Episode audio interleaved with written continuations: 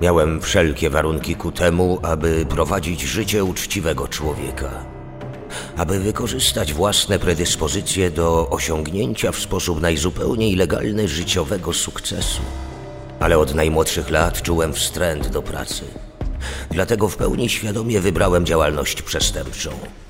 Gdy kończyły mi się zasoby zdobyte na jednej ofierze, szukałem nowej. Dla mnie zawsze cel uświęcał środki i zapłaciłem za to najwyższą z cen.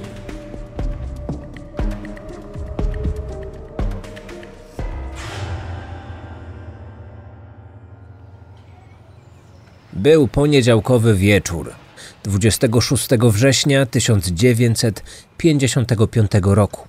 Tuż po godzinie 20 do szpitala miejskiego na warszawskim Powiślu zgłosił się 35-letni Stanisław Łopuszyński. Pacjent skarżył się na silny ból głowy, który nie słabł od dobrych kilku dni. Lekarz obejrzał wskazane na potylicy miejsce. Zobaczył opuchniętą, lekko ropiejącą ranę, pokrytą skrzepami krwi. Dokładnie na jej środku widoczny był ciemnoczerwony punkt. Przypominał ślad po uderzeniu gwoździem. Natychmiast wykonano prześwietlenie. Czekając na wywołanie zdjęcia, lekarz zapytał pacjenta o przyczynę powstania tej rany. Po dłuższym namyśle Łopuszyński opowiedział wtedy o weekendowym wyjeździe do Zakopanego. Umówił się tam ze znajomym krakowskim inżynierem, od którego kupił samochód. Jak kazał dobry obyczaj, po udanej transakcji mężczyźni postanowili się zdrowo napić.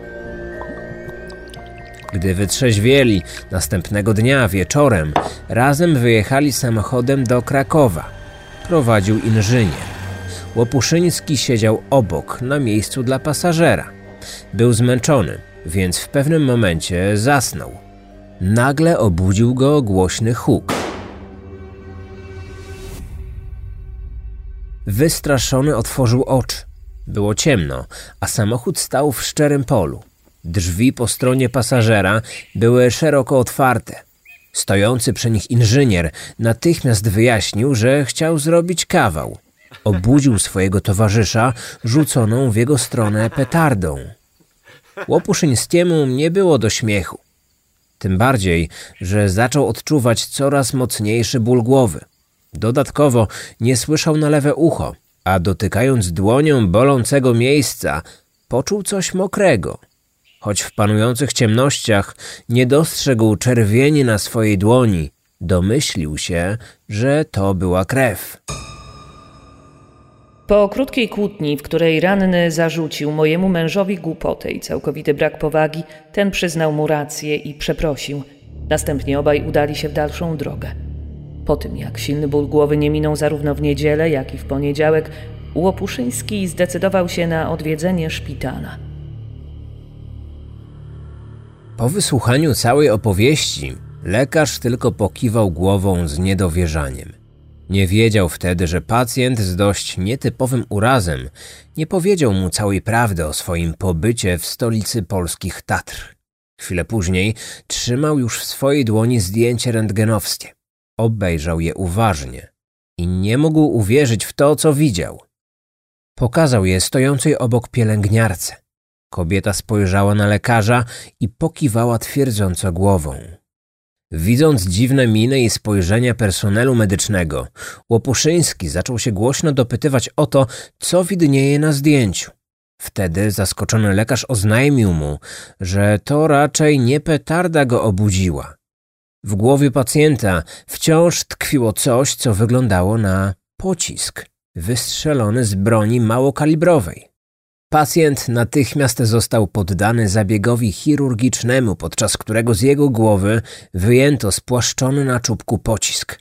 Następnego dnia na jego widok Łopuszyński o mało nie zemdlał. Gdy opanował już nerwy, zrozumiał, że jego znajomy inżynier próbował go zabić. I to nie pierwszy raz. O zaistniałym wypadku lekarz powiadomił milicję. O czym w książce Trzy wyroki napisał Andrzej Snopkowski. Wyjęty pocisk przekazano do dalszych badań. Przeprowadzona ekspertyza balistyczna wykazała, że pochodził on z pistoletu kaliber 6,35 mm. Naczelnik Wydziału Kryminalnego Komendy Wojewódzkiej Milicji Obywatelskiej podjął decyzję o wszczęciu śledztwa w sprawie usiłowania zabójstwa. Jednocześnie powołał specjalną grupę operacyjno-dochodzeniową, której zadaniem było wyjaśnienie całego zdarzenia.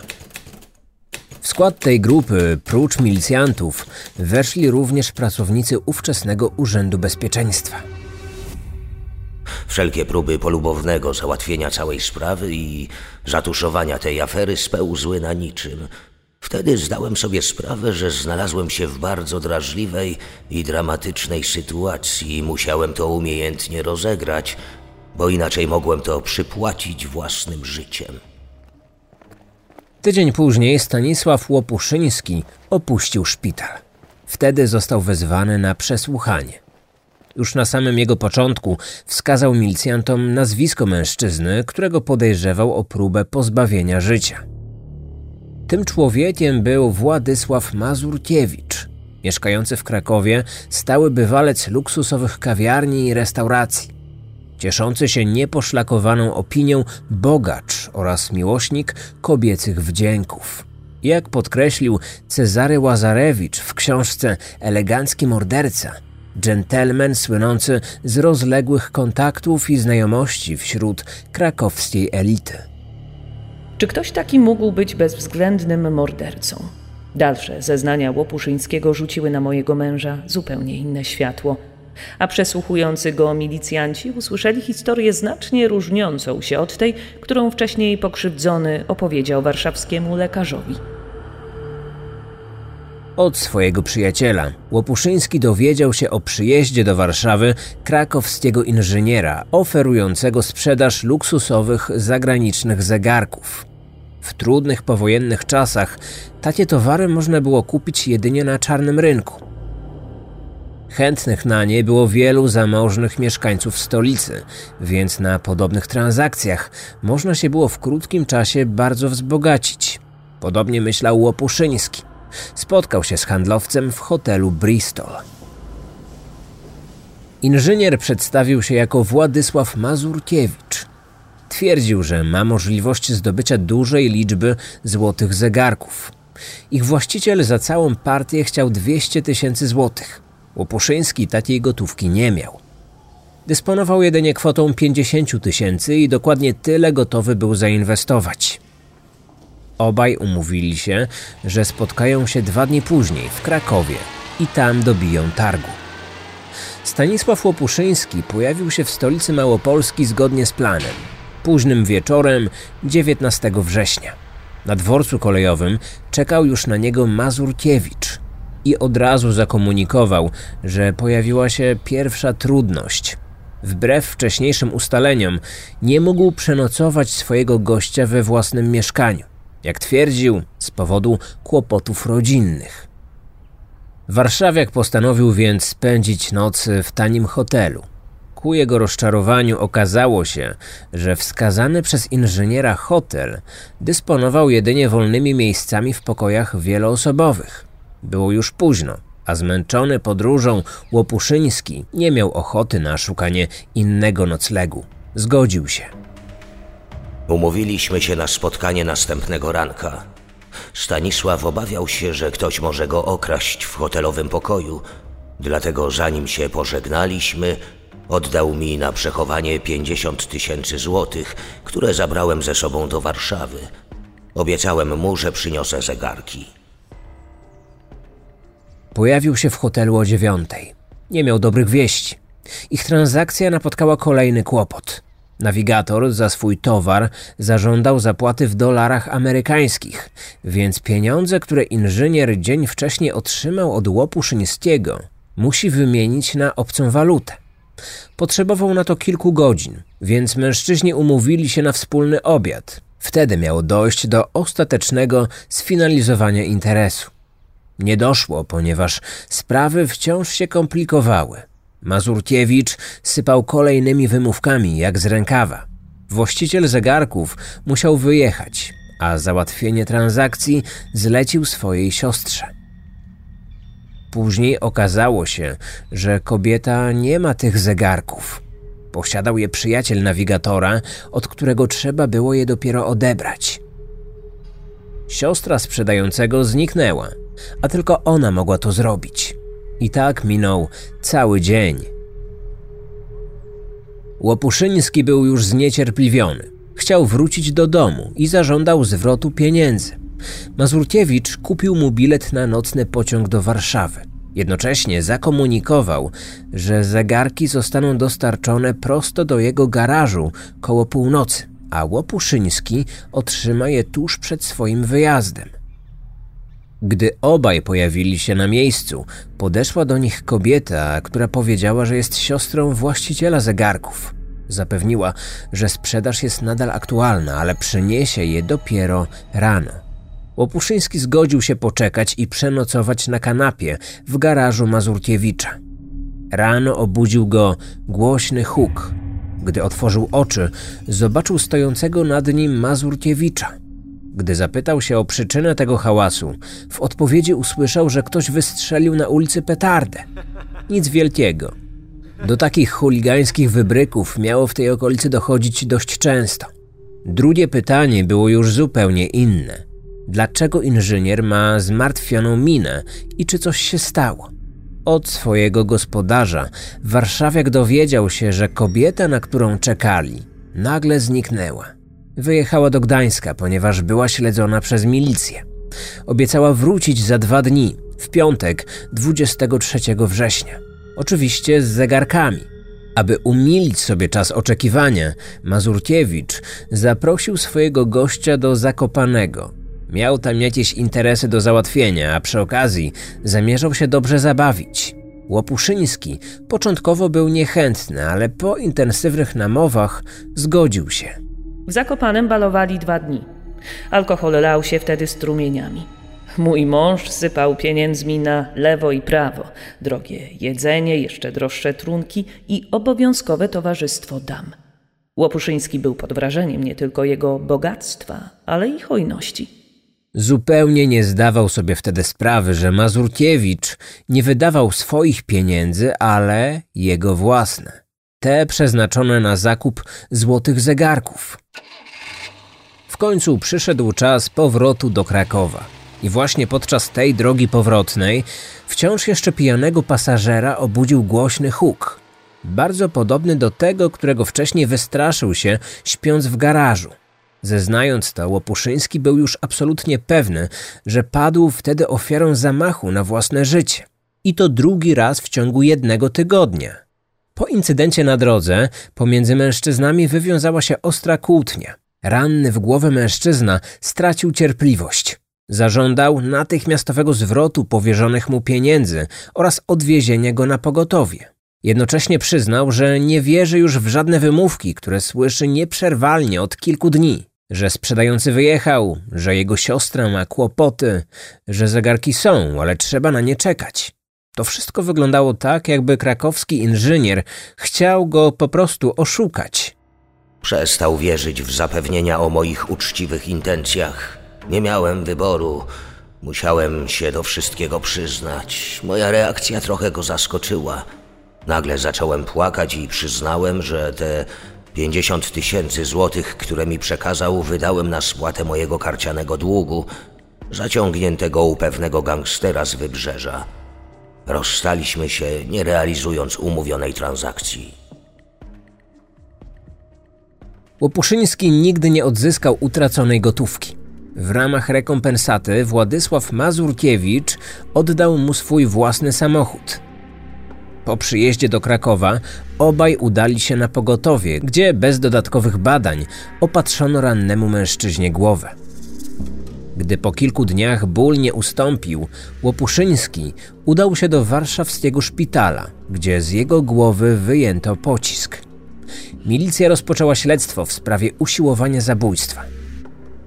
Andrzej Snopkowski w książce Trzy wyroki podkreślił, że już pierwsze czynności operacyjne wykazały, że obraz zamożnego krakowskiego inżyniera dżentelmena był jedynie iluzją stworzoną w ściśle określonym celu. W trakcie śledztwa zaczęła się wyłaniać niejasna przeszłość podejrzanego, Hochstaplera, specjalisty od ciemnych interesów. Chytrego, wyrafinowanego i niesamowicie przebiegłego. W swoim postępowaniu posługującego się zarówno sprytem, jak i wyjątkową premedytacją. Sprawa została przekazana milicji krakowskiej. Tamtejsi funkcjonariusze natychmiast udali się do mieszkania, w którym poszukiwany, choć był rozwiedziony, nadal mieszkał razem ze swoją byłą żoną. Kobieta nie wydawała się być zaskoczona wizytą mundurowych. Stwierdziła, że Władysław nie pojawił się w domu od kilku dni. W tym samym dniu przeprowadzono wizję w garażu Mazurkiewicza. Znaleziono w nim dwie metalowe blaszki, które zidentyfikowano jako części magazynka pistoletu Walter kaliber 6,35 mm. Rozmiar broni idealnie pasował do kuli wydobytej z głowy poszkodowanego. Za 44-letnim Władysławem Mazurkiewiczem rozesłano list gończy. Milicjanci otrzymali sygnał od anonimowego informatora. Wiedzieli, że poszukiwany ukrywa się w Zakopanem. 1 listopada 1955 roku do kawiarni tamtejszego hotelu Orbis weszło kilku funkcjonariuszy. Przy jednym ze stolików siedział Mazurkiewicz. Został zatrzymany i przewieziony do Krakowa. Do niczego się nie przyznawał. Z wielkim przekonaniem twierdził, że jest niewinny. Milicjanci nie uwierzyli. Przesłuchania świadków wskazywały wprost, że w ciągu ostatnich lat w Krakowie zaginęło bez wieści kilka osób z najbliższego otoczenia Mazurkiewicza. Co więcej, ostatni raz widziano go w dniach planowanej przez nich transakcji z podejrzanym. Mieszkańcy kamienicy, w której mieszkał, zwrócili również uwagę na fakt, że pół roku wcześniej zniknęły dwie siostry Delavaux. Kobiety były jego sąsiadkami. A po tajemniczym zaginięciu męża jednej z nich, stosunki tych kobiet z Mazurkiewiczem stały się bardziej zażyłe.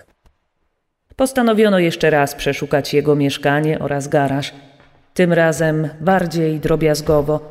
O ile w mieszkaniu nie natrafili na cokolwiek podejrzanego, to znalezisko w garażu zmroziło krew w żyłach nawet najbardziej doświadczonych funkcjonariuszy. Ich największą uwagę przykuła betonowa posadzka w pomieszczeniu z kanapą.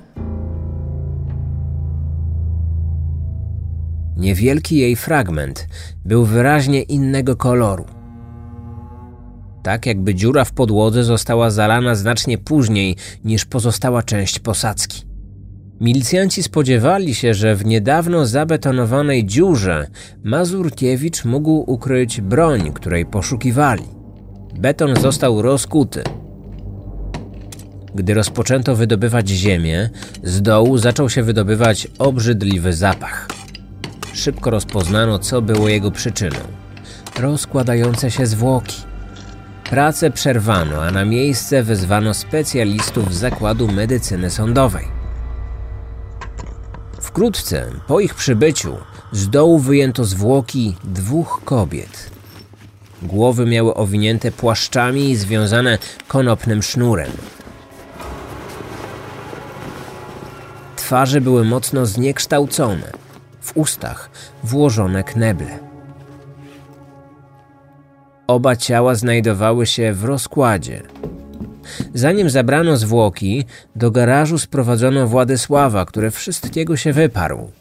Stwierdził, że nie zna nazwisk wykopanych osób i że nie miał z ich śmiercią nic wspólnego. Ustalenie tożsamości kobiet nie było trudnym zadaniem. Na podstawie wyglądu zwłok, stanu uzębienia i rodzaju odzieży stwierdzono, że były to zaginione sąsiadki Władysława. Przy ich ciałach znaleziono również pęk kluczy, pasujących do zamków, szuflad i szaf w mieszkaniu sióstr. Nie było także wątpliwości, kto jest sprawcą zabójstw, ponieważ tylko Władysław miał dostęp do tego garażu. Sekcja zwłok wykazała, że obie kobiety zostały postrzelone z tej samej broni palnej, kaliber 6,35 mm. Jadwiga de Lavaux zginęła na miejscu. Jej siostra, Zofia Suchowa, Przeżyła postrzał, a następnie została uduszona płaszczem, w który później sprawca owinął jej głowę. Postawiony pod ścianą Mazurkiewicz przyznał się nie tylko do zamordowania swoich sąsiadek. Milicjantom opowiedział również o kilku innych zbrodniach, które popełnił. Ze szczegółami opisał swoją przestępczą karierę. Jej początki sięgały czasów niemieckiej okupacji podczas II wojny światowej, o czym w swojej książce zatytułowanej Kto zabija człowieka? Najgłośniejsze procesy w powojennej Polsce napisał Bogusław Sygit. W czasie wojny nigdzie nie pracowałem. Legitymowałem się jednak dokumentem stwierdzającym, że zatrudniony jestem jako fryzjer w krakowskiej siedzibie Gestapo. To dawało mi wiele uprawnień, z których bardzo często korzystałem. Nie obowiązywała mnie wprowadzona przez Niemców godzina policyjna. Mogłem swobodnie chodzić po mieście bez ryzyka aresztowania. Otrzymywałem również przepustki na wyjazdy do Niemiec i Czech. W czasie likwidacji krakowskiego getta Mazurkiewicz bardzo się wzbogacił. Zaczął nosić złotą biżuterię i zegarki. Wydawał duże sumy na coraz wystawniejsze życie. Pewien Czech, jeden z jego ówczesnych sąsiadów, zaczął rozpowiadać znajomym Władysława, że ten za zgodą Niemców kradł majątek Żydów wywożonych do obozów koncentracyjnych. O zbyt długim języku sąsiada w końcu dowiedział się gestapowski fryzjer. Kilka dni później Czech zniknął w tajemniczych okolicznościach. Plotkowano później, że sam Mazurkiewicz maczał w tym zaginięciu swoje palce. Mniej więcej w tym samym czasie poznał Tadeusza Bommera, szemranego handlarza złotem i rzadkimi monetami kolekcjonerskimi. Wyczuł, że może na nim nieźle zarobić. Powiedział mu, że pilnie poszukuje dla swojego znajomego Niemca kilku złotych monet dwudziestodolarowych i że człowiek ten gotowy jest za nie zapłacić każdą cenę. Na swoje nieszczęście Bomer takie monety miał. Umówili się w Krakowie, pod kamienicą, w której miał mieszkać ten Niemiec. Władek poprosił o przekazanie mu dolarów, a następnie zniknął w bramie na kilka minut. Po powrocie oznajmił, że nie zastał nikogo w mieszkaniu i muszą zaczekać. Przez następne pół godziny obaj czekali w bramie. W tym czasie mój mąż starał się usilnie poczęstować swojego towarzysza wynajmowanymi z kieszeni marynarki czekoladkami. Ten stanowczo odmawiał, nie jadał słodyczy. Nie zwrócił przy tym uwagi na z pozoru błahy fakt. Częstujący także żadnej nie zjadł, mimo że, jak przekonywał, były to jego ulubione. Bomer nie zdawał sobie sprawy, że gdyby się skusił, nie wróciłby już do domu. Nagle Władysław przypomniał sobie, że jego znajomy ma się pojawić następnego dnia na jednym z podkrakowskich gospodarstw. Umówili się więc na rynku głównym, skąd razem mieli dojechać dorożką na folwark za Wolą Justowską. Gdy już pojawili się na miejscu, Mazurkiewicz stwierdził, że do dworku musi wejść sam. Kazał na siebie zaczekać. Stanisław Szczepaniak w 73 numerze Problemów Kryminalistyki z roku 68 napisał, że aby umilić sobie ten czas, dał głodnemu towarzyszowi kanapkę z szynką. Po chwili odszedł. Bomer napił się i ugryzł bułkę. Kanapka miała gorzkawy smak. Niemal od razu po przełknięciu pierwszego kęsa zaczęło mu się robić niedobrze. Poczuł, jak sztywnieją mu mięśnie karku. Tracił władzę w rękach i nogach.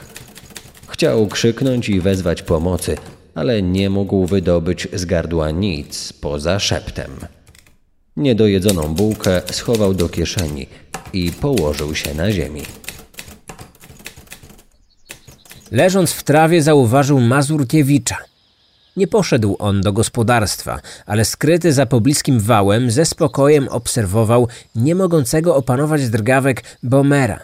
Czujący się coraz gorzej mężczyzna postanowił ratować się za wszelką cenę. Podniósł się i z wielkim trudem zaczął iść sztywnym krokiem w kierunku najbliższych zabudowań.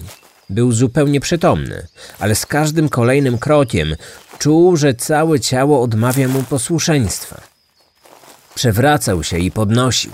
Szedł jednak dalej. Jego wygląd przestraszył mieszkańców domu, do którego udało mu się wejść. Powiedział im, że został otruty. Poprosił o mleko, ponieważ kiedyś usłyszał, że potrafi on rozcieńczyć wiele trucizn. Gdy je otrzymał, wypił duszkiem ponad litr.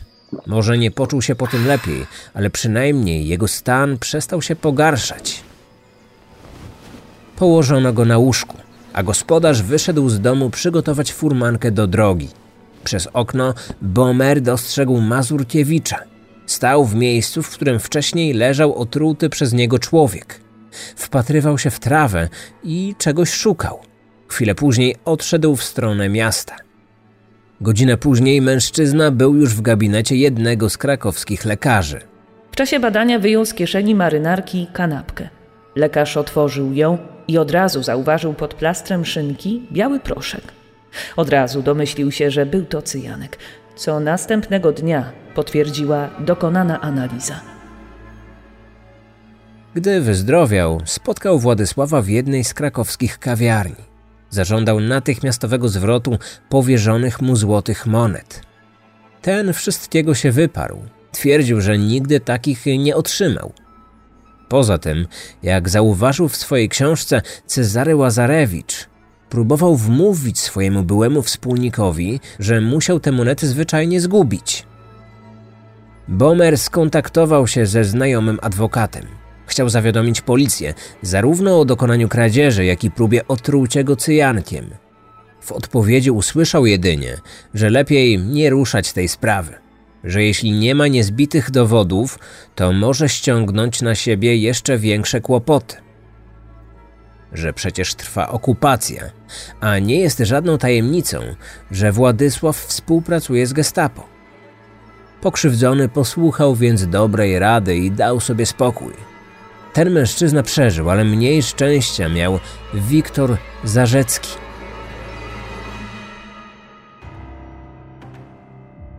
Ludzie widzieli we mnie szanowanego krakowskiego agenta ubezpieczeniowego, uczciwego faceta z klasą, ale ja, jako jeden z nielicznych, znałem jego prawdziwą twarz.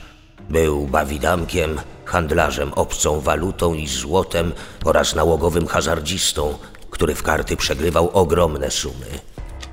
W drugiej połowie 1943 roku dokonałem z nim kilku drobnych transakcji. Po pewnym czasie uznałem jednak, że zbyt mało mogłem na nim zarobić. Dlatego postanowiłem powtórzyć numer, który wcześniej nie udał mi się z Tadeuszem.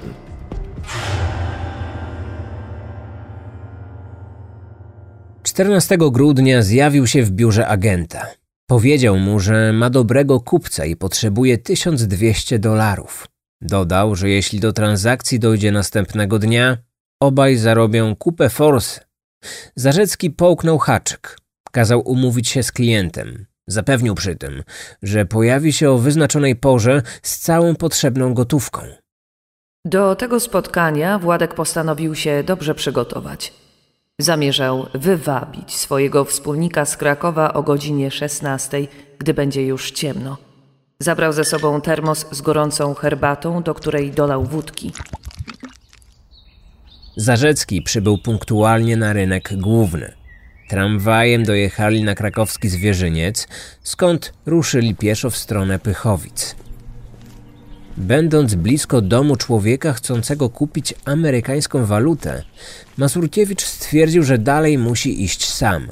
Odebrał od wspólnika dolary i odszedł. Po kilkunastu krokach zatrzymał się. Rozejrzał się dookoła i gdy stwierdził, że w pobliżu nie ma nikogo, wyjął z kieszeni marynarki termos. Stojąc tyłem do swojego towarzysza, odkręcił nakrętkę i wsypał do środka odpowiednią ilość cyjanku. Zamieszał palcem. Po chwili wrócił do kolegi. Wykazując najwyższą troskę, podał mu termos. Jednocześnie zachęcił go do wypicia zawartości, mówiąc, że to najlepszy sposób, aby nie zamarznąć w tak mroźny wieczór. Zarzecki ucieszył się, gdy wyczuł zapach alkoholu. Wziął kilka głębokich łyków i poczuł, jak robi mu się niedobrze. Mazurkiewicz stał blisko niego. Z przejęciem dopytywał się, czy wszystko w porządku. Po chwili otruty mężczyzna upadł na ziemię. Wziął go pod ramiona i zaciągnął kilkanaście metrów nad brzeg Wisły. Z kieszeni płaszcza wyjął portfel z dokumentami. Zwłoki włożył do przymocowanej łańcuchem łódki. Odpłynął od brzegu tak daleko, na ile pozwalało zabezpieczenie. Ciało wrzucił do wody. Po powrocie na brzeg podarł dokumenty, pieniądze schował do kieszeni, a pusty portfel wyrzucił w pobliskie krzaki. Ciała zamordowanego mężczyzny nigdy nie odnaleziono. Władysław zdobyte dolary wymienił na złotówki. Jedną trzecią tej kwoty jeszcze tej samej nocy przegrał w karty. Za resztę utrzymywał się przez blisko dwa lata. Gdy pieniądze zaczęły mu się kończyć, postanowił znaleźć kolejną ofiarę. Władysław Brylski też był handlarzem. Oficjalnie prowadził niewielki sklepik. W rzeczywistości obracał złotem i dewizami.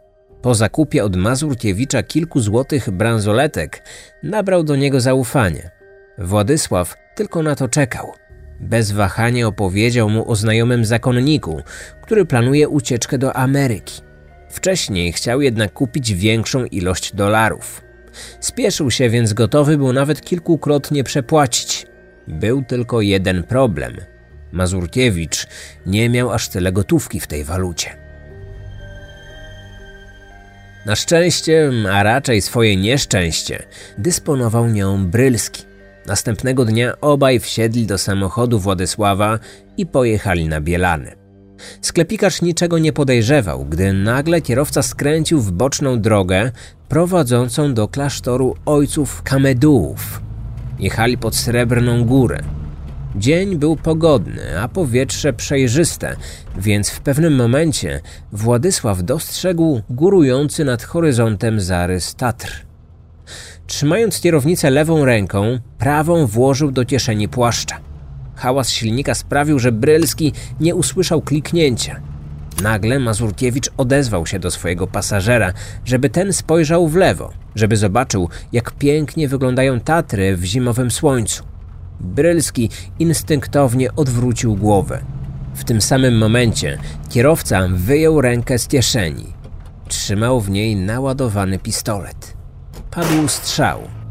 Kula przebiła potylicę sklepikarza, który bezwładnie osunął się z siedzenia. Zginął na miejscu.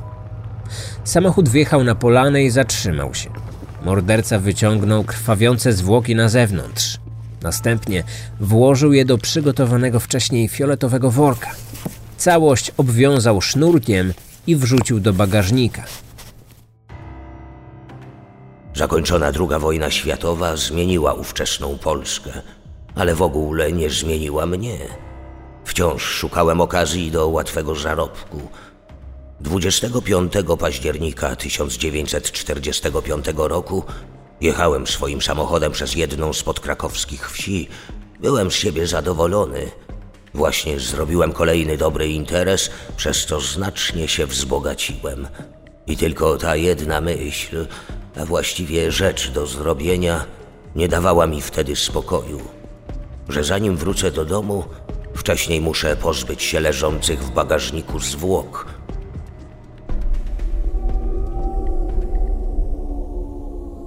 Kilka godzin wcześniej Józef Tomaszewski opuścił swoje mieszkanie.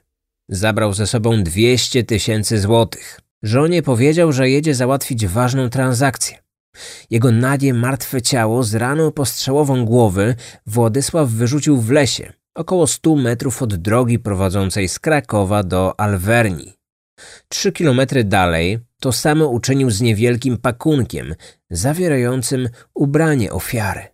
W tamtych czasach po naszych drogach jeździło niewiele samochodów osobowych, nic więc dziwnego, że auto mojego męża wzbudziło tak wielkie zainteresowanie mieszkańców wioski, przez którą przejeżdżał.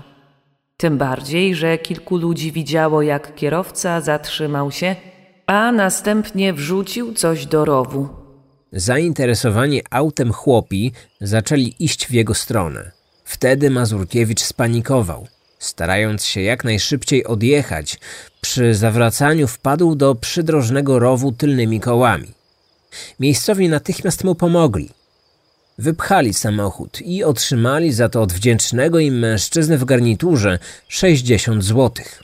Dopiero gdy odjechał, pomocni wieśniacy zorientowali się, że czerwone ślady na ubraniu tego obcego mężczyzny mogły być śladami krwi. Nie był on ranny, więc krew na pewno należała do kogoś innego. Czyżby do ofiary? Czy właśnie pozwolili odjechać mordercy? Zajrzeli do porzuconego w rowie pakunku i odkryli mocno zakrwawione ubranie. Szybko powiązali to z człowiekiem, któremu pomogli.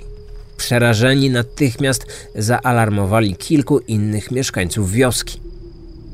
Zaraz po swoim odjeździe Władysław zorientował się, że jedzie w złą stronę. Stres przed ujawnieniem jego zbrodni zrobił swoje i po prostu pomylił kierunki. Po chwili się uspokoił. Przecież nikt nie widział momentu wyrzucania zwłok. Pomyślał, że wieśniacy znaleźli już pewnie pakunek w rowie. Ale przecież pozbycie się ubrania, nawet drogiego, nie było przestępstwem. Zatrzymał samochód na środku drogi, a następnie zawrócił. Zbliżając się do miejsca, w którym wylądował kołami w rowie, już z daleka dostrzegł ludzi stojących na jezdni. Było ich znacznie więcej niż w czasie, gdy stamtąd odjeżdżał. Oni też go dostrzegli i rozpoznali samochód, który kilkanaście minut wcześniej wyciągali z rowu. Postanowili zatrzymać tajemniczego mężczyznę w zakrwawionym garniturze. Zablokowali jezdnię. Machali w jego stronę rękami. Krzyczeli, żeby stanął. Mazurkiewicz nie do końca rozumiał o co chodziło tym ludziom na drodze, ale na wszelki wypadek postanowił nie ryzykować. Użył klaksonu, a gdy to nie pomogło, przycisnął pedał gazu. Rozpędzone auto przejechało przez blokadę i pognało w stronę Krakowa. Na szczęście wtedy nikt nie ucierpiał. Chłopi udali się na najbliższy komisariat milicji i opowiedzieli o swoim odkryciu. Zapamiętali też numer rejestracyjny pojazdu, który próbował ich staranować. Po sprawdzeniu okazało się, że samochód należał do mojego męża, do Władka. Jeszcze tego samego dnia odnaleziono nadzie ciało mężczyzny, a przy nich ślady opon. Zwłoki zostały zidentyfikowane. Był to bankier, do którego należało zabezpieczone przez milicjantów zakrwawione ubranie. Sekcja zwłok wykazała, że przyczyną śmierci Tomaszewskiego był postrzał w głowę. Wlot pocisku znajdował się w karku, jego wylot na prawym policzku. Następnego dnia milicja rozpoczęła poszukiwania kierowcy. Wiedziałem, że jestem poszukiwany i zdawałem sobie sprawę z tego, jakie dowody przemawiały na moją niekorzyść. Postanowiłem zapewnić sobie alibi na wypadek, gdybym został rozpoznany przez świadków. Najpierw informowałem mojego adwokata, że nastąpiła fatalna pomyłka milicji, że owszem, przejeżdżałem tamtędy, ale kilka dni przed odkryciem zwłok. Wjechałem wtedy do rowu, a miejscowi chłopi mi pomogli, to dlatego zapamiętali moją twarz oraz numer rejestracyjny auta.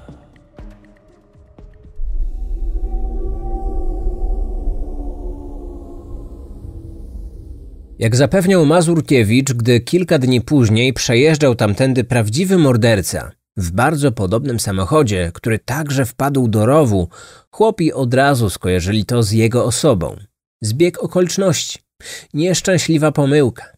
Niewinny człowiek oskarżony o zbrodnię, której nie popełnił.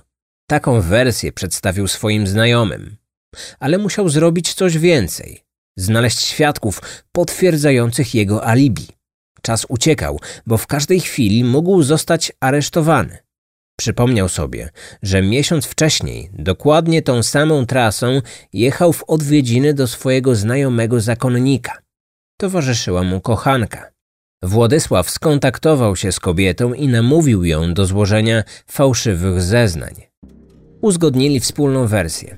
Owszem, jechali razem, ale nie miesiąc wcześniej, tylko właśnie 25 października. Wpadli do rowu i tak dalej. Historia już znana. Chłopi się pomylili. Zamiast mordercy wskazali na niego. Co potwierdził także zakonnik, wpisując w księgę odwiedzin wizytę gości z Krakowa w dniu, w którym nie miała ona oczywiście miejsca. Zakonnika do współpracy także namówił Władysław. Do zatrzymania podejrzanego doszło w styczniu następnego roku. Miesiąc później przebiegły oszust i morderca stanął przed sądem. Miał szczęście. Pomogły mu nie tylko fałszywe zeznania złożone najpierw przez kochankę, a później zakonnika. Przydatne okazały się również rozległe znajomości, jakie w Krakowie posiadał Mazurkiewicz. Zarówno prokurator, jak i sędzia należeli do towarzyskiego kręgu. Grał z nimi w karty, pił i robił interesy. Dzięki temu z sądu wyszedł jako ofiara, a nie oprawca. 16 lutego 1946 roku Władysław Mazurkiewicz został uniewinniony. Z sali rozpraw wychodził szczęśliwy, jak nigdy przedtem.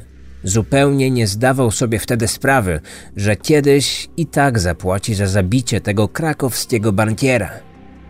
Póki co cieszył się wolnością i jeszcze większym poważaniem w mieście.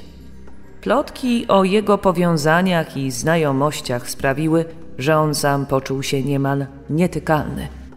Uważał, że każda zbrodnia może mu ujść na sucho.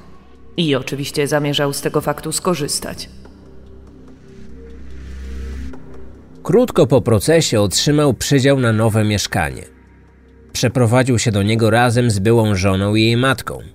Trzy miesiące później jego sąsiadem został Jerzy Delavaux. Człowiek, który w czasie wojny dorobił się na handlu z niemieckimi żołnierzami. Zamieszkał z żoną Jadwigą i jej siostrą Zofią. Początkowo kontakty Władysława z nowymi sąsiadami ograniczały się jedynie do wymiany pozdrowień na klatce schodowej. Jednak gdy tylko zauważył, jak bardzo bogaty jest Jerzy, postanowił poznać go bliżej i zrobić z nim interes życia. W jednej z rozmów sąsiad zwierzył mu się, że ma ogromny kłopot z zakupem dużej ilości skóry dla pewnego bogatego klienta. Władysław bez zastanowienia skłamał, że może mu załatwić każdą ilość i to po cenie niższej niż rynkowa. Jerzy bardzo się ucieszył. Władysław jeszcze bardziej. Jeszcze tego samego dnia Mazurkiewicz rozpoczął poszukiwania. Nie rozglądał się jednak za obiecaną skórą, ale za nowym pistoletem. Poprzedni wyrzucił do Wisły krótko przed aresztowaniem.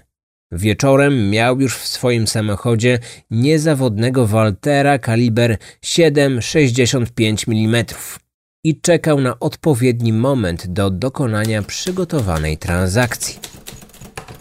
Kilka dni później oznajmił Jerzemu, że zdobył zapas skóry. Miała być własnością jego przyjaciela, zakonnika z klasztoru ojców Kamydułów na Bielanach. Można ją było odebrać w każdej chwili, był jednak jeden warunek. Zakonnik przed spotkaniem żądał zaliczki w wysokości połowy wartości towaru. Zdaniem Mazurkiewicza około miliona złotych. Była to spora kwota w kraju ogarniętym powojennym chaosem. Stanowiła równowartość dzisiejszych 150 tysięcy złotych. Jerzy zgodził się bez wahania. Obiecał przygotować całą kwotę na następny dzień. W podróż do klasztoru wyruszyli samochodem. Początkowo Władysław zamierzał powtórzyć plan, który sprawdził się wcześniej w przypadku Władysława Brylskiego, czyli chciał zastrzelić swoją ofiarę podczas jazdy. Jednak dopiero gdy wyruszyli, zorientował się, że zapomniał schować pistolet do kieszeni marynarki. Jego Walter wciąż leżał pod tylnym siedzeniem, obok kompletu kluczy do przykręcania śrub. Wjeżdżając na srebrną górę, skręcił w boczną drogę. Tam się zatrzymał. Na pytanie o ten nieplanowany postój stwierdził, że coś mu styka w silniku i musi to sprawdzić. Spod siedzenia wyjął płaski klucz i otworzył maskę samochodu. Popukał, postukał i dokładnie rozejrzał się dookoła, czy aby na pewno są tam sami. Następnie odpalił silnik, mówiąc, że teraz wszystko chodzi jak w zegarku. Zapowiedział dalszą podróż, jak tylko odłoży klucz na miejsce. Nie gasząc silnika, odsunął fotel kierowcy i wszedł do tyłu. Wsunął dłoń pod siedzenie. Odłożył klucz i wziął leżący obok pistolet. Nieświadomy niczego pasażer patrzył przed siebie. Padł strzał. Pocisk trafił w tył jego głowy, a ciało bezwładnie opadło do przodu. Morderca w pośpiechu wyciągnął zwłoki i położył je na trawie. Przeszukał kieszenie zmarłego. Zabrał pieniądze, zegarek i złotą obrączkę. Niedługo później martwy Jerzy spoczął na dnie Wisły. Kilka dni później Jadwiga zgłosiła na milicji zaginięcie męża. Poszukiwania Jerzego nie przyniosły rezultatu. Na temat jego zaginięcia krążyły po Krakowie różne opowieści. Jedna z wersji mówiła, że uciekł z kochanką za granicę. Inna, że został zabity w trakcie dokonywania jakiejś podejrzanej transakcji z gangsterami. Ktoś słyszał, że aresztowało go UB. Różni ludzie mówili różne rzeczy. Część plotek podsycał sam Władysław, który aktywnie uczestniczył w poszukiwaniach męża swojej sąsiadki. Przez następnych dziewięć lat nikogo nie zabiłem. Nie dlatego, że nie chciałem, po prostu nie musiałem. Ostatni interes z sąsiadem poszedł mi tak dobrze, że przez dłuższy czas stać mnie było na drogie i beztroskie życie. Nawet pomimo tego, że ponad połowę przywłaszczonej sumy przepiłem i przegrałem w karty. W tym czasie bardzo zbliżyłem się do wdowy po Jerzym, pięćdziesięcioletniej Jadwigi.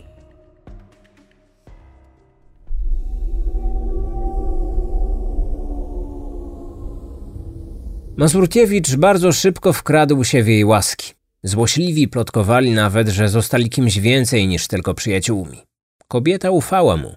Podobnie jak jej siostra Zofia, którą także posądzano o romans z przystojnym Władysławem. Jednak nic co dobre nie trwa wiecznie. Cztery lata później portfel Władysława znów zaczął świecić pustkami. Wtedy wpadł, jak sam myślał, na dużo lepszy pomysł niż zabicie kolejnej osoby. Najpierw wmówił Jadwidze, że jest współpracownikiem UB i ma dostęp do wielu tajnych informacji. Później przekonał ją, że dostał od kolegów z urzędu cynk o planowanej w jej mieszkaniu rewizji.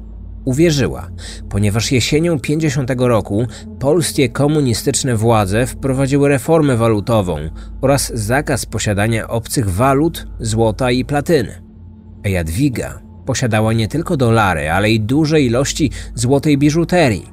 W każdej chwili mogło jej grozić aresztowanie. Z pomocą przyszedł jej jednak życzliwy sąsiad. Zaproponował, że przechował u siebie te wszystkie zakazane przez państwo fanty. Ukryje dolary i złoto w swoim garażu. Nikt nie odważy się zrobić u niego rewizji, ponieważ był on przecież jednym z nich. Miał wpływy i znajomości. Tylko u niego wszystkie oszczędności Jadwigi mogły być bezpieczne. Oczywiście, w każdej chwili będzie mogła poprosić o ich zwrot. Chcąc, nie chcąc, kobieta musiała zgodzić się na taki układ. Przez następne cztery lata Władysław pełnymi garściami czerpał z powierzonego mu mienia. Dolary wydawał, złoto i kosztowności sprzedał. Wydawało mu się, że wszystko ma pod kontrolą. I tak było do kwietnia 1955 roku. To właśnie wtedy stosunki pomiędzy nim a siostrami nagle się pogorszyły. Do tego stopnia, że pewnego dnia Jadwiga zażądała zwrotu wszystkich zdeponowanych u niego rzeczy, łącznie z dolarami. Władysław może i by je zwrócił, gdyby nie jeden mały problem. Z powierzonego mu majątku niewiele już zostało w jego garażu. Jak oddać coś, czego od dawna nie ma? Takie pytanie dręczyło go przez następny miesiąc. W tym czasie oczywiście zapewniał Jadwigę, że wkrótce otrzyma ona wszystkie swoje kosztowności. Jednocześnie stale odwlekał ten dzień. Robił uniki, wymyślał kolejne wymówki. Wreszcie umówili się w jego garażu na dzień 15 maja o godzinie 18. Od tego czasu zaczął opracowywać plan morderstwa. Wiedział, że musi pozbawić życia obie siostry, ponieważ Zofia była we wszystko wtajemniczona. Nagłe zniknięcie Jadwigi na pewno skierowałoby jej podejrzenia na osobę sąsiada. Motyw takiej zbrodni byłby przecież oczywisty. Zaczepił Zofię na klatce schodowej. Powiedział, że w wyznaczonym dniu zamierza wyjąć z garażowej skrytki dolary i złoto. Chciałby, aby w chwili ich zwrotu obecne były dwie siostry. Zofia zgodziła się przyjść zaraz po skończeniu pracy. Z nią umówili się na godzinę 22.30. Pierwsza pojawiła się u niego Jadwiga. Ponaglała, aby się pospieszył. Zapewnił, że taki właśnie ma zamiar. Wcześniej musi jednak przestawić samochód, ponieważ skrytka znajduje się dokładnie pod nim. Gdy uruchomił silnik, stwierdził, że bardzo źle pracuje i nie da się wyjechać autem z garażu.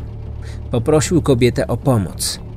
Zgodziła się, choć uczyniła to niechętnie. Polecił jej usiąść za kierownicą i na jego znak nacisnąć pedał gazu. On w tym czasie miał wyregulować pracujący silnik. Jadwiga wsiadła do auta. Pod pretekstem sięgnięcia po śrubokręt Mazurkiewicz usiadł z tyłu. Sięgnął ręką pod siedzenie i wyjął naładowany pistolet. O dalszym przebiegu wydarzeń informowało późniejsze uzasadnienie wyroku.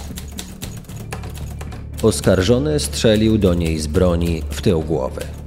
Następnie owinął głowę kawałkiem szmaty. Sądził, że kobieta wciąż daje oznaki życia, więc w jej usta włożył knebel. Bezpośrednio po dokonaniu zbrodni zabrał ofierze należące do niej przedmioty: zegarek, obrączkę, pierścionek oraz klucze do mieszkania. Następnie wykopał dół w miejscu zerwanego wcześniej z posadzki betonu. Kilka godzin później do garażu przyszła Zofia. Nie widząc siostry, zaczęła się dopytywać o to, gdzie jest. Mazurkiewicz wskazał ręką na zasłoniętą kotarą kanapę. Dodał, że trochę wypili, że Jadwiga usnęła. Zofia odwróciła się od niego plecami i zaczęła iść we wskazanym kierunku. Wtedy strzelił jej w głowę. Upadła. Na głowę zaciągnął jej płaszcz, aby nie poplamić podłogi. Przeszukał kieszenie i zabrał torebkę. Zwłoki zepchnął do dołu, gdzie spoczęły obok ciała Jadwigi. Zasypał je ziemią. Dokumenty obu sióstr spalił. Zamknął garaż i pojechał do domu. Następnego dnia wrócił z dwoma workami. Załadował do nich resztę ziemi z wykopanego dołu i wywiózł za miasto. Wieczorem zabetonował otwór. Kilka dni później powiedział swojej byłej żonie o zaginięciu sióstr. Dodał, że w ich mieszkaniu pozostało wiele cennych rzeczy, które najpewniej wkrótce zostaną zabrane przez krewnych kobiet. Szkoda, żeby się zmarnowały, a on miał przecież klucze do ich mieszkania. Była żona mordercy zgodziła się mu pomóc. W czasie, gdy Władysław przeczesywał mieszkanie, ona zamiatała klatkę schodową i pilnowała, czy nikt nie idzie. Wbrew temu, co wcześniej myślał, nie znalazł w mieszkaniu zbyt wielu wartościowych przedmiotów. Na długo mi to jednak nie wystarczyło. Już cztery miesiące później zacząłem się rozglądać za następnym łatwym celem. Oczywiście takim, który będzie dysponował odpowiednio wysokim wkładem własnym. Tak trafiłem na Stanisława, którego namówiłem na bardzo dochodową transakcję. Jednak tym razem szczęście przestało mi dopisywać. On cudem przeżył, a ja zostałem aresztowany przez milicję.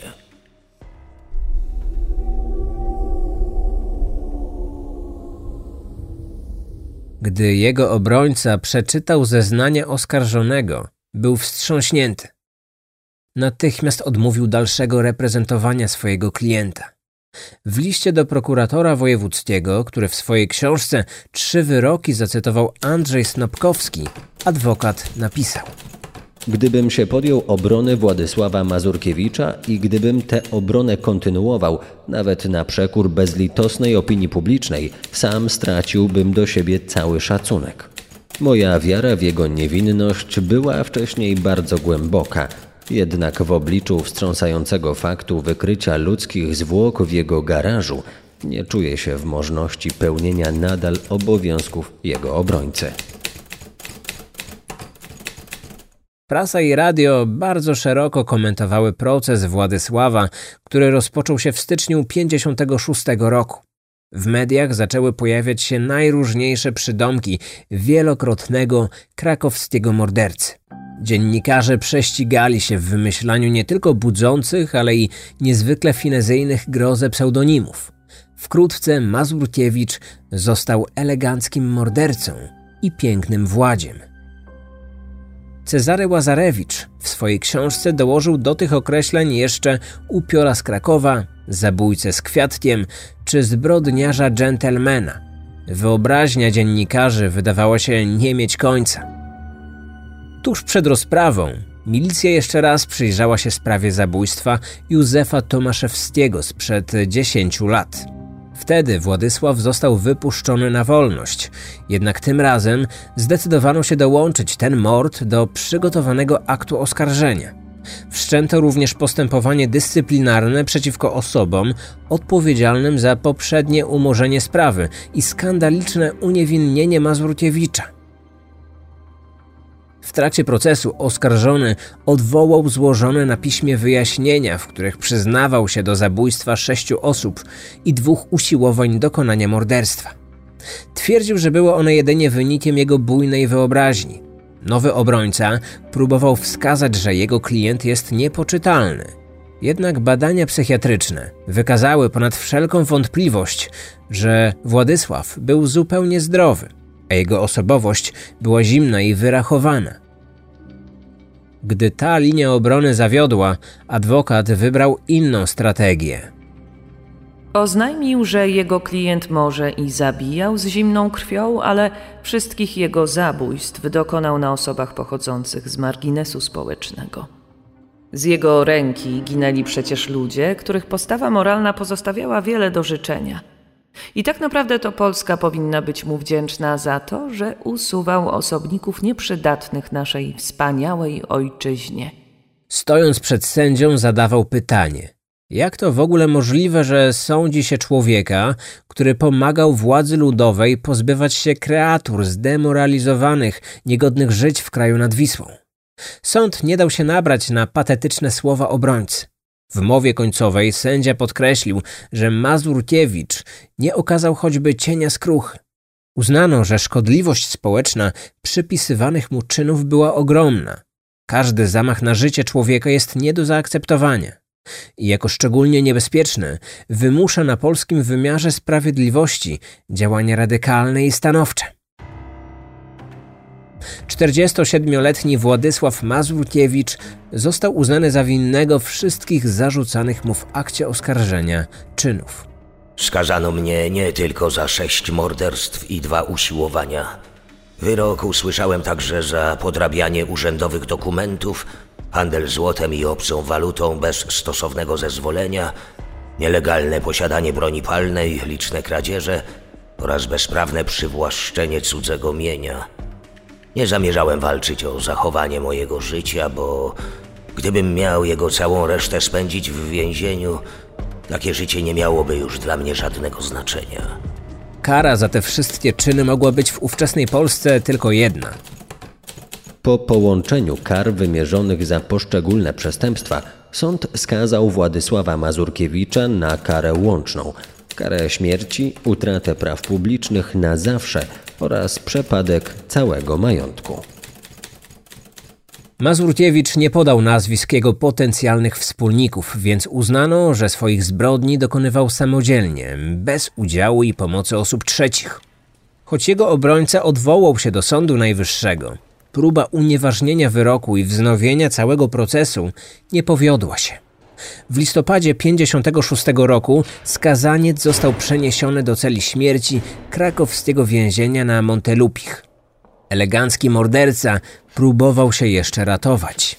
Napisał list do Władysława Gomułki z obietnicą przekazania władzom ważnych informacji, które posiadał w zamian za darowanie mu życia. Był przekonany, że szybko otrzyma pozytywną odpowiedź. Tak się jednak nie stało. 29 stycznia 1957 roku, dwa dni przed swoimi urodzinami, zawisł na szubienicy. Piękny Władek na szafot wszedł pewnym krokiem, a humor go nie opuszczał. Tuż po wypaleniu ostatniego papierosa, dokładnie o 16.30, pod jego stopami otworzyła się zapadnia, a Mazurkiewicz przeszedł do historii polskiej kryminalistyki. Podobno w ostatnich słowach zwrócił się do zgromadzonych przy nim świadków egzekucji, mówiąc: Do widzenia, panowie. Niedługo wszyscy się tam spotkamy. Choć te ostatnie pożegnanie szybko przeszło do legendy. Zdaniem większości autorów i historyków nie ma absolutnie żadnych dowodów na to, że takie słowa rzeczywiście padły z ust krakowskiego upiora. Ale i tak nie ma to dziś żadnego znaczenia. Nawet bez tego niezwykłego pożegnania o Władysławie wciąż jest głośno. Choć od jego śmierci minęło już ponad 65 lat. Piękny Władzio wciąż pojawia się w kolejnych artykułach, książkach i filmach. Nic w tym dziwnego, bo przez wielu uznawany jest za jednego z najbardziej wyrafinowanych i przebiegłych powojennych polskich morderców. I można go uznać chyba za pierwszego powojennego zbrodniarza celebrytę. Czy słusznie? Zdania na ten temat są dziś mocno podzielone. Mój proces określano jako największy w skali polskiej, a może nawet i światowej, choć ja takiej opinii nie podzielałem. Zgadzałem się jednak z tym, że z mojego punktu widzenia był to proces najtragiczniejszy dla jednostki. Rzecz nie do wiary, prawda nieprawdziwa. Nie pozostało mi nic innego, jak tylko wyrazić skruchę. Obrońca kazał mi milczeć, ale ja i tak się do wszystkiego przyznałem. Tym sposobem sam ukręciłem bat na siebie. Trudno.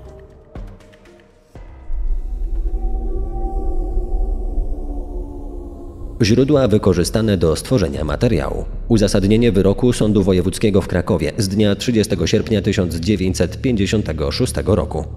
Książka Andrzeja Snopkowskiego Trzy wyroki, wydana w roku 1982 przez Krajową Agencję Wydawniczą.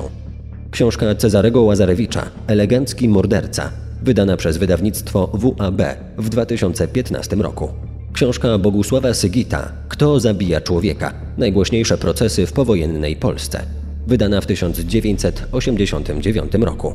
Artykuł autorstwa Stanisława Szczepaniaka, opublikowany w 1968 roku w 73 numerze czasopisma Problemy kryminalistyki. Wystąpili Krzysztof Plewako-Szczerbiński, Diana Giurow, Mikołaj Gronet, Marcin Myszka. Opracowanie i scenariusz Łukasz Włodarski. Realizacja Marcin Myszka.